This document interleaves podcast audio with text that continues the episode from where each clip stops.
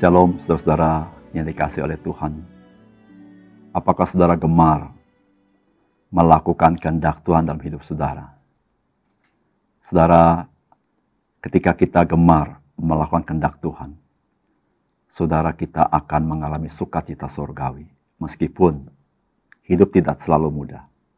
Tetapi ada berkat Tuhan yang Tuhan sediakan bagi orang yang takut akan dia. Salam jumpa dalam program Tuhan adalah Gembalaku. Saudara, sebagai orang percaya, saya percaya saudara dan saya adalah orang-orang yang rindu melakukan kehendak Allah. Saudara, kalau saudara membaca Alkitab, maka begitu banyak apa yang Allah kehendaki. Saudara, salah satu terkait dengan kehendak Allah adalah terkait dengan pernikahan. Saudara-saudara, Allah menyatakan bagaimana dengan siapa kita harus menikah.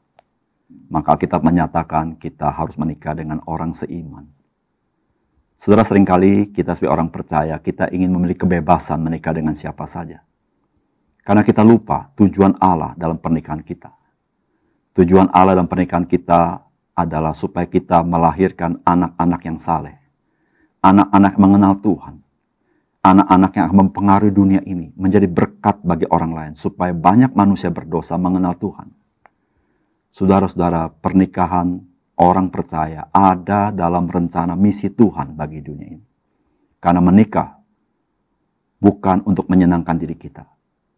Kita menikah supaya kita boleh lebih lagi melayani Tuhan.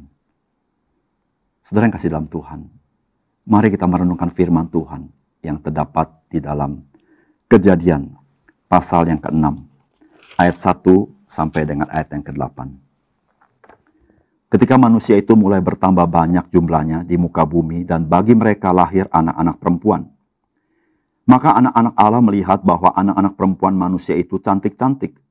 Lalu mereka mengambil istri dari antara perempuan-perempuan itu siapa saja yang disukai mereka.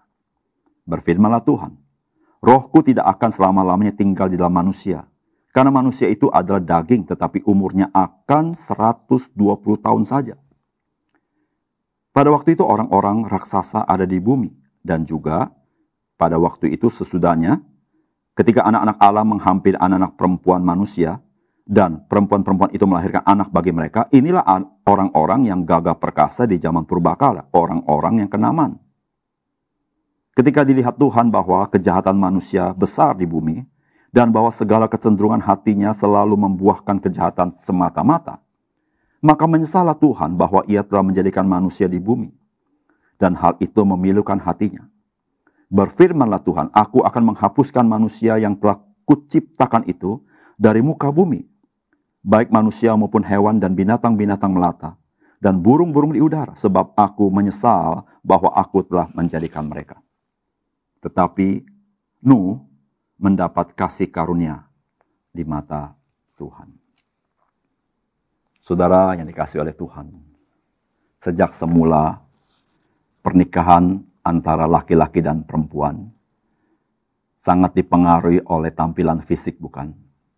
Karena di sini dikatakan bahwa anak-anak Allah melihat anak-anak manusia yang perempuan itu cantik-cantik. Fisik.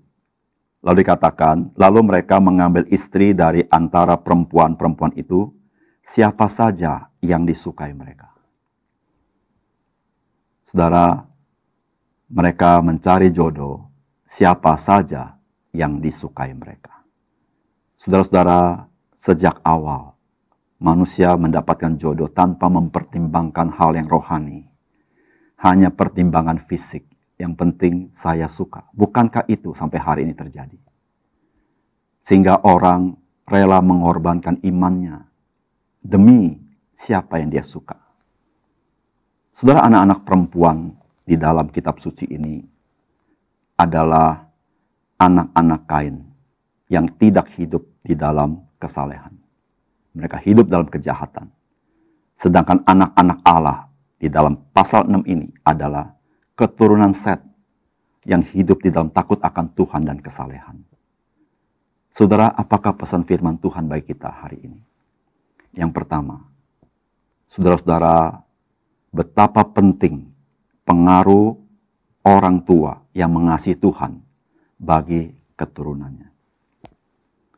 Saudara kisah pasal 6 adalah perkawinan antara orang yang mengenal Tuhan dengan orang-orang yang tidak mengenal Tuhan. Saudara bagaimana dengan keturunan mereka? Alkitab berkata, keturunan mereka adalah keturunan yang tidak mengenal Tuhan. Keturunan mereka, keturunan yang berbuat jahat. Sehingga Allah mengambil keputusan untuk membinasakan mereka.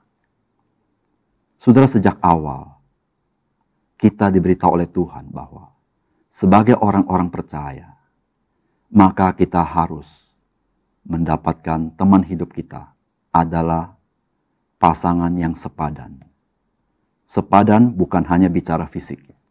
Sepadan berbicara rohani kita. Saudara, pasangan suami istri yang di dalam Kristus punya satu misi. Supaya keturunan kita adalah keturunan yang mengenal Tuhan. Dan bukan hanya hidup untuk keturunan kita saja. Dan keturunan kita boleh menjadi berkat bagi orang lain. Berkat Injil, berkat pelayanan, berkat kasih. Sehingga begitu banyak orang berdosa yang binasa tapi melalui keturunan orang-orang saleh, banyak orang mengalami anugerah Tuhan. Yang kasih dalam Tuhan, sejak awal Alkitab memberitahukan. Pernikahan yang sembarangan, pernikahan yang sesuka hati kita, pernikahan yang hanya kepada hal lahiriah, tidak memperbaiki kehidupan manusia, bahkan cenderung merusak kehidupan manusia. Kecuali pernikahan itu adalah pernikahan yang di dalam Tuhan.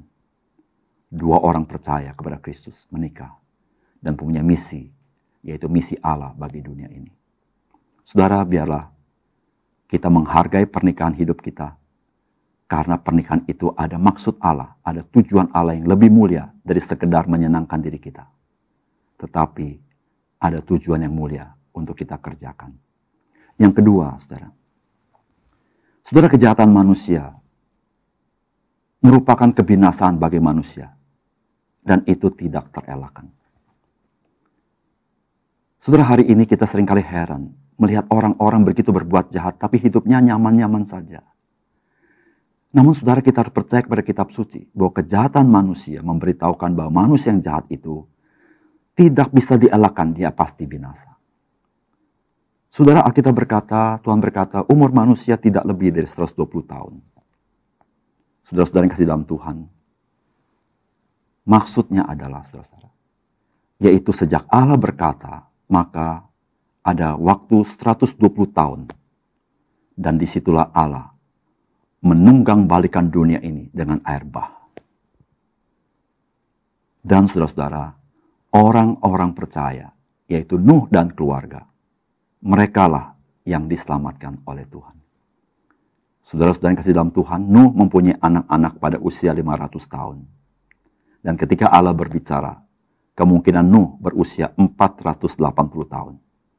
Maka ketika Allah berkata usia manusia itu 120 tahun, maka itu dihitung mulai dari Nuh sampai air bah itu datang. Sehingga manusia hidupnya tidak lebih dari 120 tahun dan Tuhan akan membinasakan. Tetapi tidak terhadap Nuh. Nuh dia membangun bahtera dan dia melanjutkan kehidupannya. Saudara yang kasih dalam Tuhan, kejahatan tidak pernah menang kepada kebenaran. Kejahatan satu kali kelak akan menerima upah yang sangat mengerikan dari Tuhan. Oleh karena itu saudara, jangan belajar dari kejahatan. Tapi belajar dari Tuhan. Belajar berbuat baik.